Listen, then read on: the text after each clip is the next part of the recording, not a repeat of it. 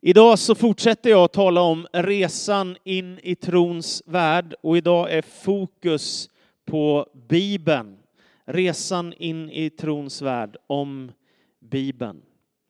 När jag var 24 år gammal så höll jag på att avsluta mina studier på Örebro Missionsskola. Jag hade haft turen att träffa Fotola som skulle bli min fru. Vi möttes där, hon gick på bibelskola och jag läste på pastorsutbildningen där. Den våren 1994 så fick jag en kallelse att bli ungdomspastor i Pingstkyrkan i Norrtälje. Så vi bröt upp i augusti 1994 och så gifte vi oss i september och jag började min tjänst som ungdomspastor i den församlingen. Så var det. Eh, en spännande tid började i våra liv och vi var unga och vi tänkte på allt som låg framför oss. En tisdagkväll så satt jag på ett helt vanligt bönemöte. Vi bad tillsammans, vi brukade göra det varje tisdagkväll i den kyrkan. Vi var ett härligt gäng samlade. Och medan vi satt och bad tillsammans och ropade till Gud för ett antal konkreta bönämnen, saker som vi ville att Gud skulle höra vår bön, så började jag slå upp min bibel. Och helt plötsligt så föll mina ögon på Lukas evangeliets andra kapitel och från vers 25. Och så läste jag medan de andra var i bön för mig själv bara. I Jerusalem fanns en man vid namn Symeon som var rättfärdig och from och som väntade på Israels tröst. Helig ande var över honom och den heliga anden hade uppenbarat för honom att han inte skulle se döden förrän han hade sett Herrens Messias. Ledd av anden gick han till templet och när föräldrarna kom in med barnet Jesus för att göra med honom som det är sed enligt lagen tog han honom i famnen och prisade Gud och sa Herre, nu låter du din tjänare gå hem i frid som du har lovat. Ty mina ögon har skådat frälsningen som du har berättat åt alla folk. Ett ljus med uppenbarelse åt hedningarna och härlighet åt ditt folk Israel. Och det är svårt för mig att beskriva vad som hände den dagen, den kvällen. Men det var som om de här orden bara landade rakt in i mitt vardagsliv. Och jag kände mig ungefär som om jag hade kunnat vara Symeon själv i templet. Tänk dig att ha fått de här profetiska orden ifrån Gud att innan du dör så ska du få se Messias med egna ögon. Och så går man och väntar vecka efter vecka, månad efter månad, år efter år och så helt plötsligt en dag så står Josef och Maria med lilla Jesusbarnet vid dörrarna till Jerusalems tempel. Och då inser Symeon, det är han, Messias har kommit. Och så utbrister han när han har tagit lilla Jesusbarnet i sin famn. Herre, nu låter du din tjänare gå hem i frid som du har lovat. Mina ögon har skådat frälsningen som du har berett åt alla folk. För mig drabbade det där ordet djupt. Det var som om jag insåg på allvar vad evangeliet faktiskt ger oss människor. Det är som att nu när jag upptäckte Jesus, jag behöver inte leva längre, jag har fattat det viktigaste. Ungefär så är det för Simon, Symeon. Och, och orden landade i mitt liv. Jag vet inte om du har varit med om det, men säkert har det hänt dig. Och har det inte hänt än att Guds ordet har landat så där starkt i ditt hjärta att du känner här händer något med mig som jag inte kan värja mig mot och som är så starkt att det förändrar mitt liv, att det påverkar hela min livsinriktning.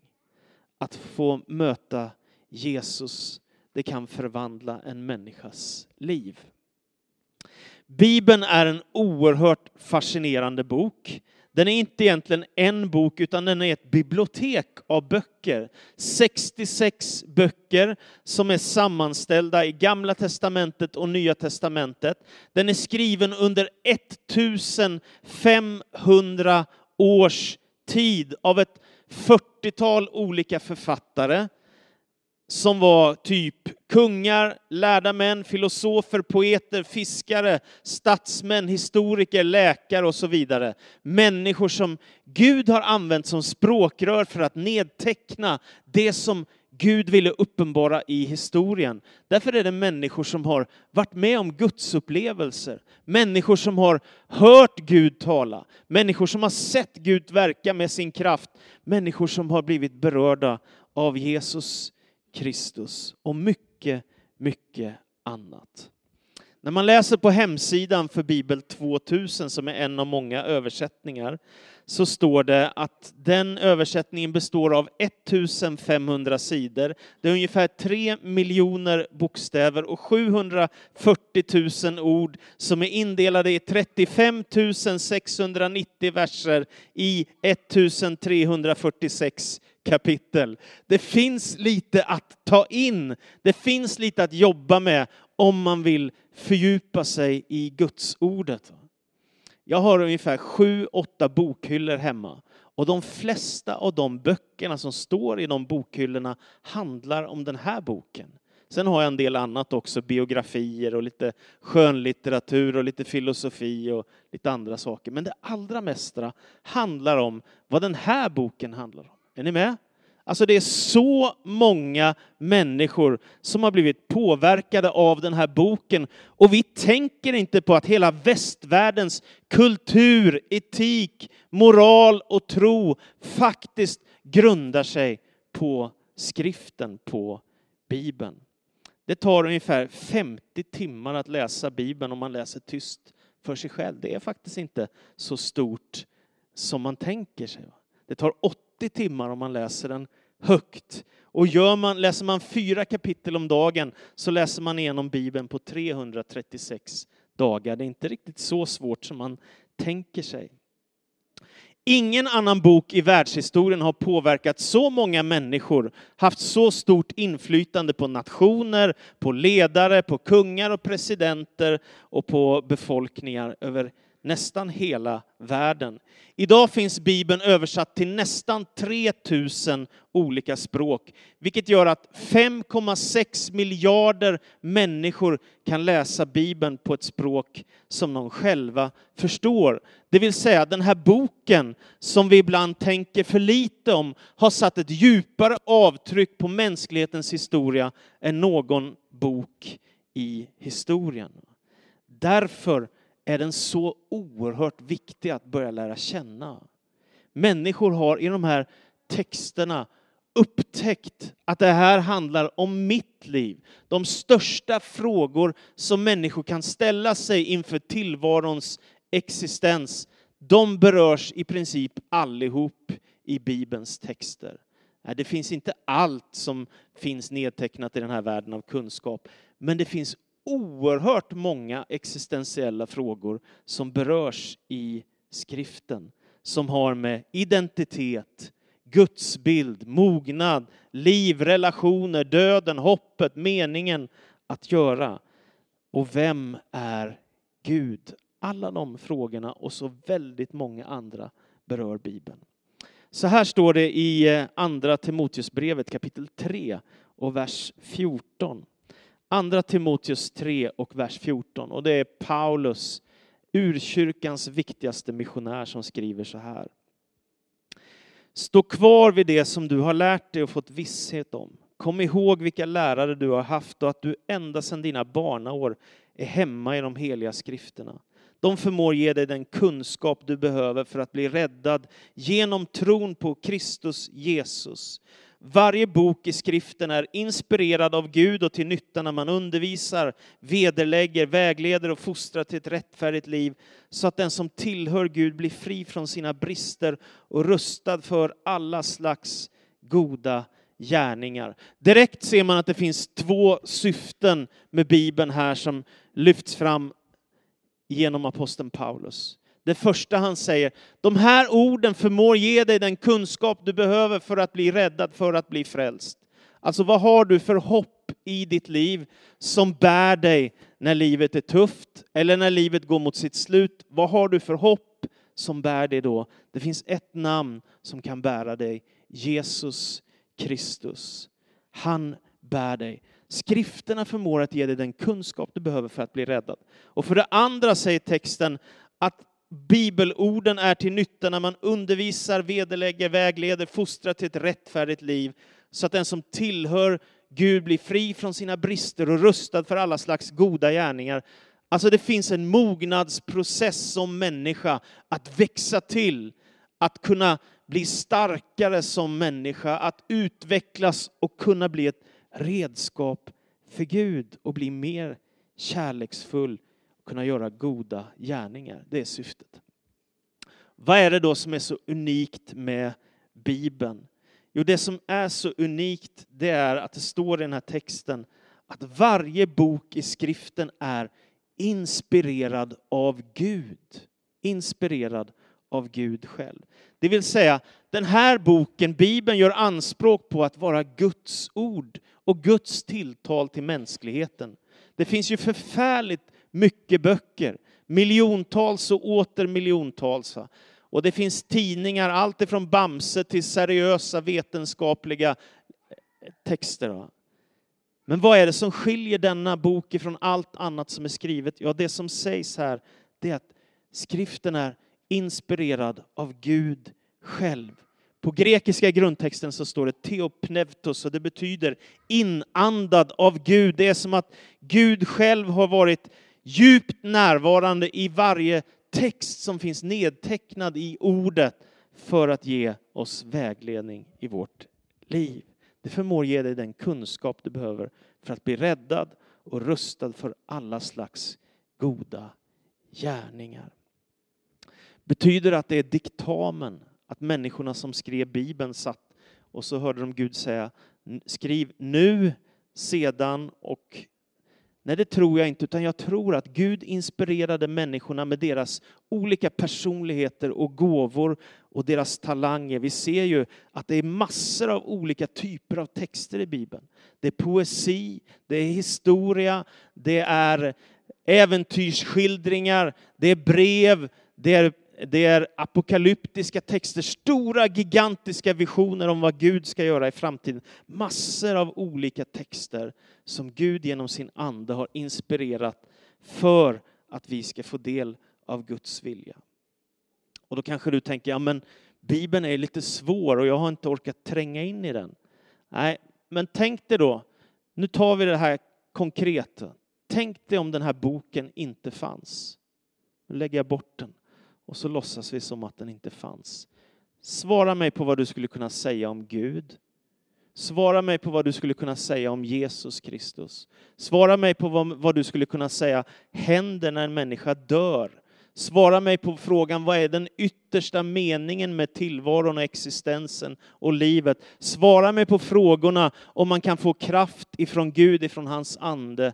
Alltså alla frågorna förblir obesvarade utan skrifterna. Är du med? Det är därför som ordet är så viktigt. Det finns en man som heter Helge Brattgård, han skriver så här. Bibeln är boken om Guds väldiga gärningar, vilken når sin höjdpunkt i Jesu Kristi gärning.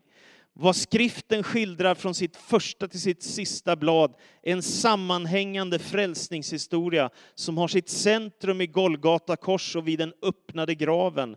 Det är en genomgående biblisk tanke att Kristus är med i denna historia allt ifrån begynnelsen.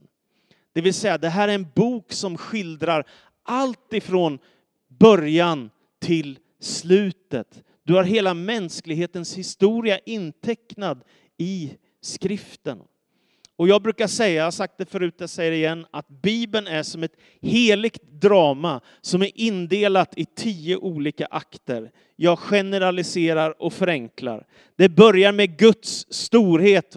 I begynnelsen skapade Gud himmel och jord och ur Gud kommer detta väldiga universum för andra.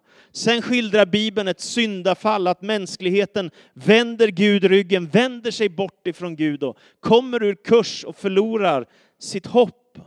Och då talar Gud till Abraham för det fjärde och så kallar han Abraham och säger, gå ut ur ditt land, gå till det land som jag ska ge dig som flyter av mjölk och honung, står det. Det betyder härligt helt enkelt bara. Ett härligt land som jag har förberett för dig. Va? och så kommer Israels folk och Israels folk, de får ta emot lagen och saltaren och vishetslitteraturen och profetierna och de får löftena om att Messias ska komma, den som Gud har utlovat en dag för hela mänsklighetens räddning. Så kommer han, Jesus Kristus för det femte. Och när han kommer så förändras världshistorien för alltid. Ingen annan person har satt djupare avtryck i mänsklighetens historia än Jesus från Nasaret. Han har förändrat världen. Kan du räkna upp särskilt många som har påverkat i närheten? Det kan du inte, eller hur? Jesus Kristus har satt djupare avtryck på världen än någon annan. Och ur Kristus, för det sjätte, så kommer ju frälsningen, det nya livet, hoppet ifrån Gud, att man kan få leva i gemenskap med honom. Och sen ger han löftet om den helige ande för det sjunde. Och när anden kommer så uppfyller de lärjungarna på pingstdagen och lärjungarna blir fyllda av Guds kraft och vågar vittna frimodigt om Jesus. Och så drar urkyrkan igång med att tusentals människor blir frälsta. Och så finns det ett löfte om att han som kom som ett litet barn, han ska komma tillbaka en andra gång i härlighet, i makt och i ära och alla människor ska se Kristus ansikte mot ansikte och förstå att han är Herre över hela världen. Och då står det att alla människor ska böja knä inför Kristus och bekänna att Jesus är Herre, Gud Fadern till ära. Och sen väntar evigheten för alla människor. Och den är allvarlig eftersom Jesus är vägen till frälsning. Så jag skulle vilja ge bilden av Bibeln som en slags gigantisk mosaiktavla. Du har mängder av olika bitar som sitter där på tavlan och som gör att du ser en större bild. Om du bara kan några så här favoritbibelord eller bara har hört någon enda bibelvers så är det som att du har bara sett en liten mosaikbit på en gigantisk mosaiktavla som Gud har gett oss. Här finns så mycket. Bibeln innehåller ju i princip alla mänskliga erfarenheter man kan vara med om. Här finns glädje, här finns sorg, här finns framgång, här finns motgång, här finns högt och lågt och allt berättas precis som det är. Va? Tänk att de berättar att Petrus förnekar. Tänk att de berättar att David misslyckas med sitt liv. Tänk att det ena efter det andra, inte bara det goda utan också det onda skildras precis som det är. Men det viktigaste av allt det är ju att Gud kliver rakt in i vår, vår värld och in i vårt vardagsliv. Det är det som Bibeln så tydligt säger. Gud kommer till mänskligheten i mänsklighetens utsatthet och svårigheter. Han kommer för att möta oss i vår kamp och i vårt lidande. Och därför, den som upptäcker Guds kraft och frälsning kan mitt i prövningar och lidande och svårigheter se en djupare glädje i tillvaron. Hur har det då gått till när människor får ta emot Gudsordet och ta emot de profetiska orden? Ja, du kan ta Jeremia som ett exempel från Jeremia kapitel 1, vers 4. Då säger han Herrens ord kom till mig. Innan jag formade dig i moderlivet utvalde jag dig. Innan du kom ut ur modersskötet så gav jag dig ett heligt uppdrag. Att vara profet för folken. Men jag svarade, nej Herre min Gud, jag duger inte till att tala, jag är för ung. Då sa Herren till mig, säg inte att du är för ung, utan gå dit jag sänder dig och säg det jag befaller dig. Här är ett av väldigt många exempel där Gud talar in i människors liv som förändrar deras liv och som förändrar en nations liv. Här är Jeremia det konkreta exemplet och han säger de starka orden. Oerhört provocerande naturligtvis för alla som är ateister. Herrens ord kom till mig. Herrens ord kom till mig. Det var lite det jag försökte beskriva i inledningen av den här predikan när jag blev så berörd av Guds ordet.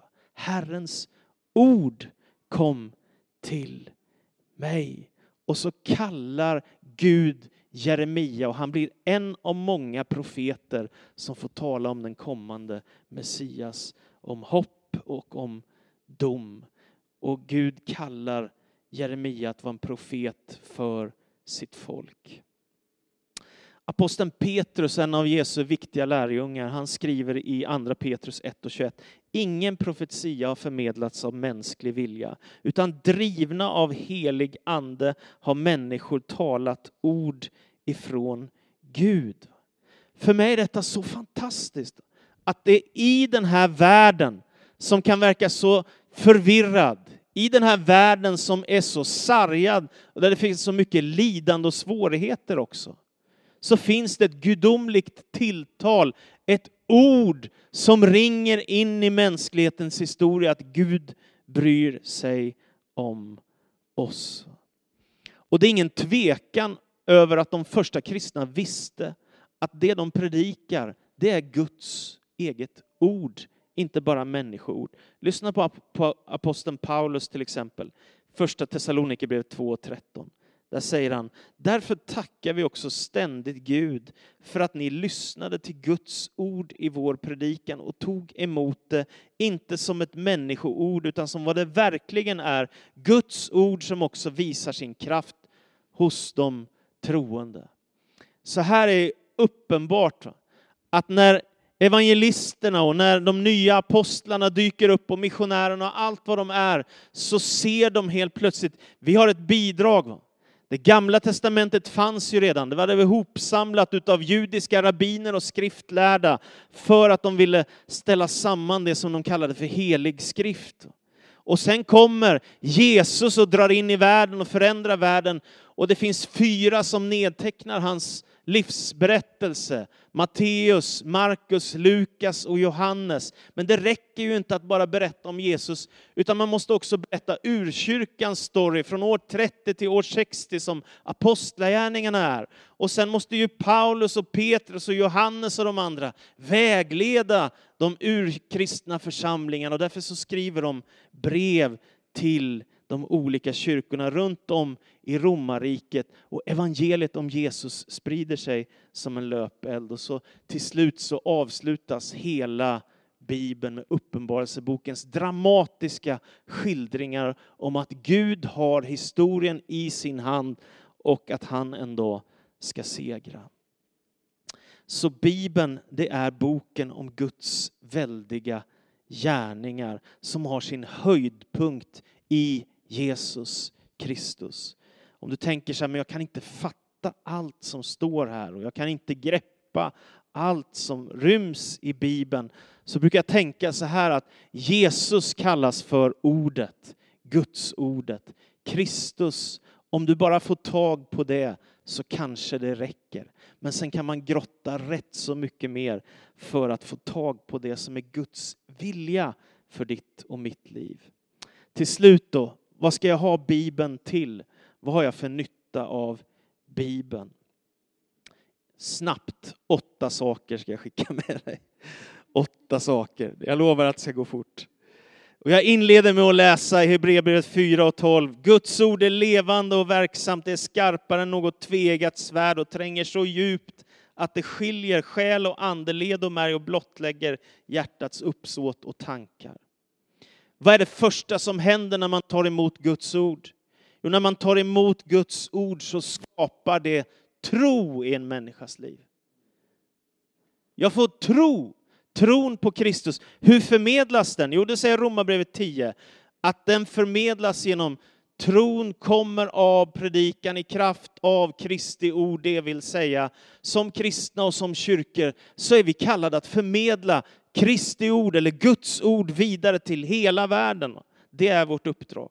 Och ordet i sig kan skapa tro på Kristus som gör att människor söker efter Gud och söker efter Jesus och finner en djupare och större mening med sitt liv än om man bara drar runt här i världen liksom ett antal årtionden. Man kan få tro i sitt liv. För det andra så förmedlar Bibeln frälsningens budskap. Det står i Apostlagärningarna 4 och 12. Petrus säger, hos ingen annan finns frälsningen och ingenstans under himlen finns något annat namn som kan rädda oss än namnet Jesus. I Bibeln finns ett frälsningshistoriskt löfte. Det finns ett hopp som grundar sig på ett kors där Jesus har segrat för oss. Det kan du ta emot i tro. För det tredje, om du börjar ta dig in i Bibelns värld så kan du börja förstå Guds plan för hela vår tillvaro.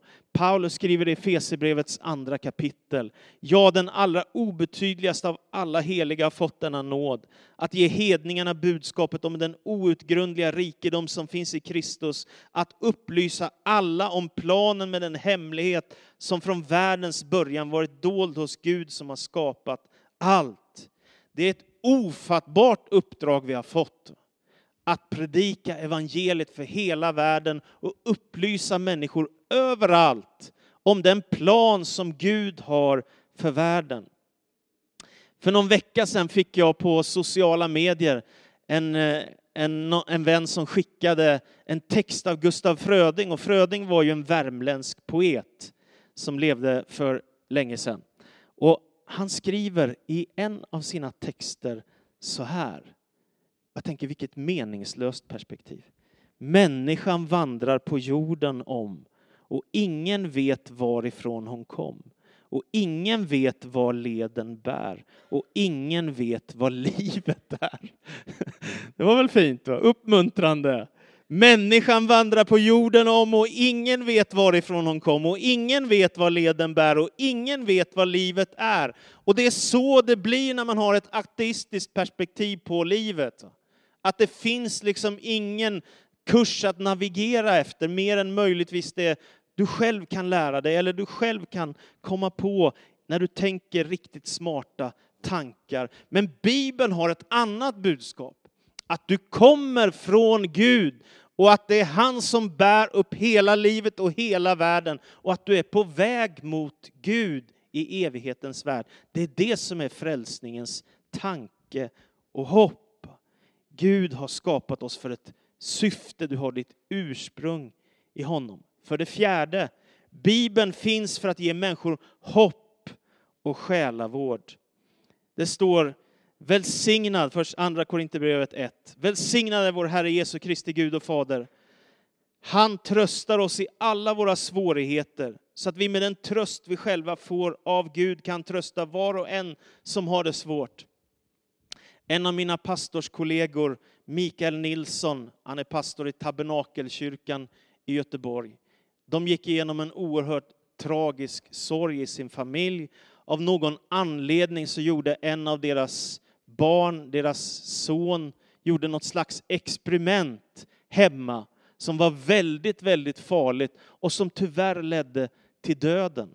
Så den här unge killen som var, jag tror han bara var i 20-årsåldern, han omkom genom en olycka hemma när han gjorde någon sån här dramatiskt experiment. Och Mikael har berättat om det här eh, så att jag kan berätta det vidare. Då säger Mikael de här orden. Jag älskar att läsa böcker. Jag älskar Tranströmer och Fröding och allt. Jag kommer inte ihåg exakt vilka han citerade. Jag älskar att läsa böcker. Men, sa han, när våran son dog av en olycka så var de enda ord som bar mig Bibelns ord. Och jag tycker det är så starkt. Man kan skoja hur mycket som helst om Gud, om Bibeln, om Jesus. Men du vet, när det blir skarpt läge så finns det inget annat hopp för dig.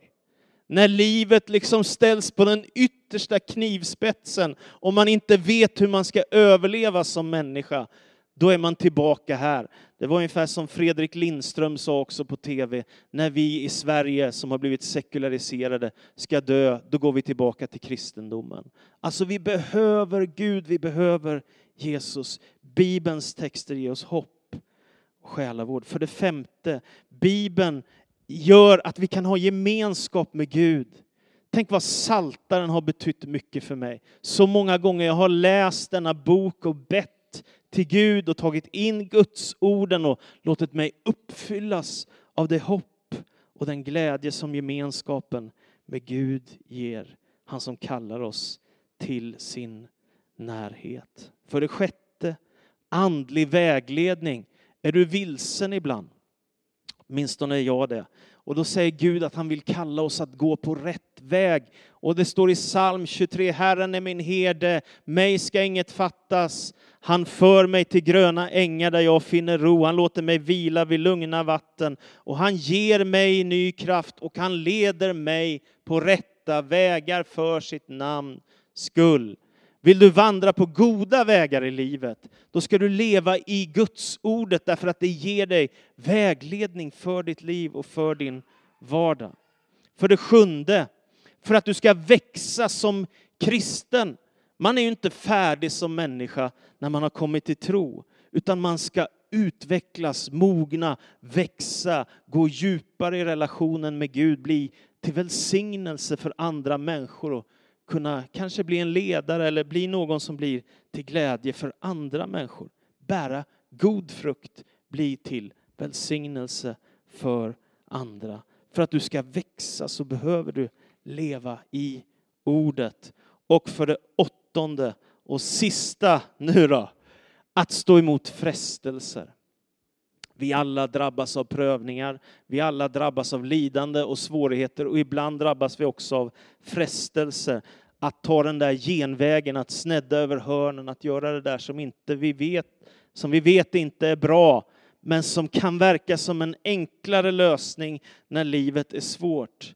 När Jesus ställs inför frestelserna i öknen, då har han varit i fasta i 40 dagar. Han är naturligtvis utmärglad av fysisk hunger och då kommer fienden till honom och säger, Matteus 4, om du är Guds son, befall de här stenarna att bli bröd.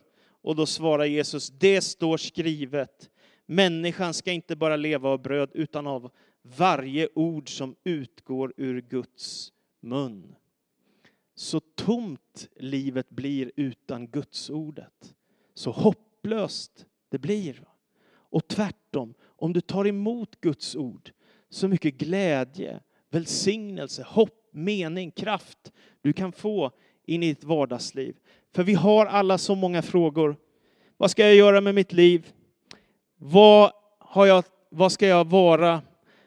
Fattar jag rätt beslut? Hur lever jag ett vettigt liv? Hur ska jag hantera svårigheter som möter mig? Hur ska jag kunna hitta fram till Gud? Hur ska jag kunna be? Vad ska jag göra med mitt liv? Det finns så många frågor.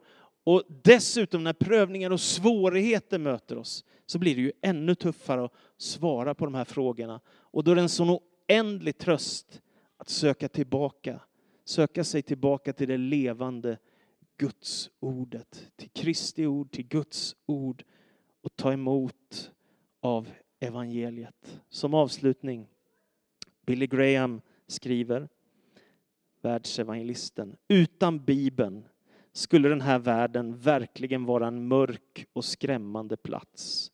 Utan vägvisare, utan ledstjärna. Men Gud lät Bibeln bli skriven i den bestämda avsikten att för människan uppenbara sin plan för hennes frälsning och i Bibeln ger Gud oss sina eviga löften. Och nu avslutar jag min predikan med att visa en, ett klipp ifrån en gospelgudstjänst i USA. Hoppas det är okej. Okay. För mig är det här en stark video därför att han som sjunger på den här videon har ganska nyligen förlorat sin fru och ändå så kan han sjunga om glädjen i Gud. För mig är det ett starkt exempel på hur kraftfullt evangeliet om Jesus är. Varsågoda, här kommer Marvin Sapp. Lite mer volym.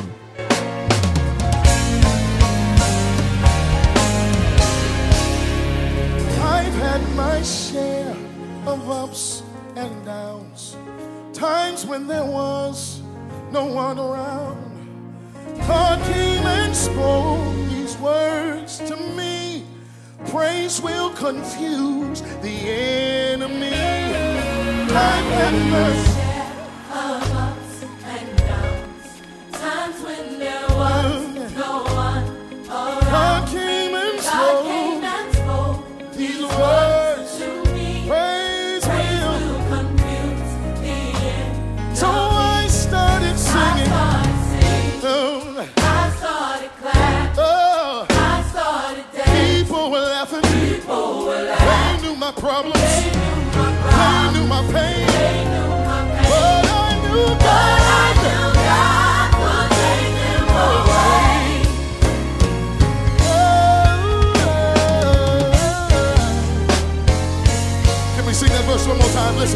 Listen,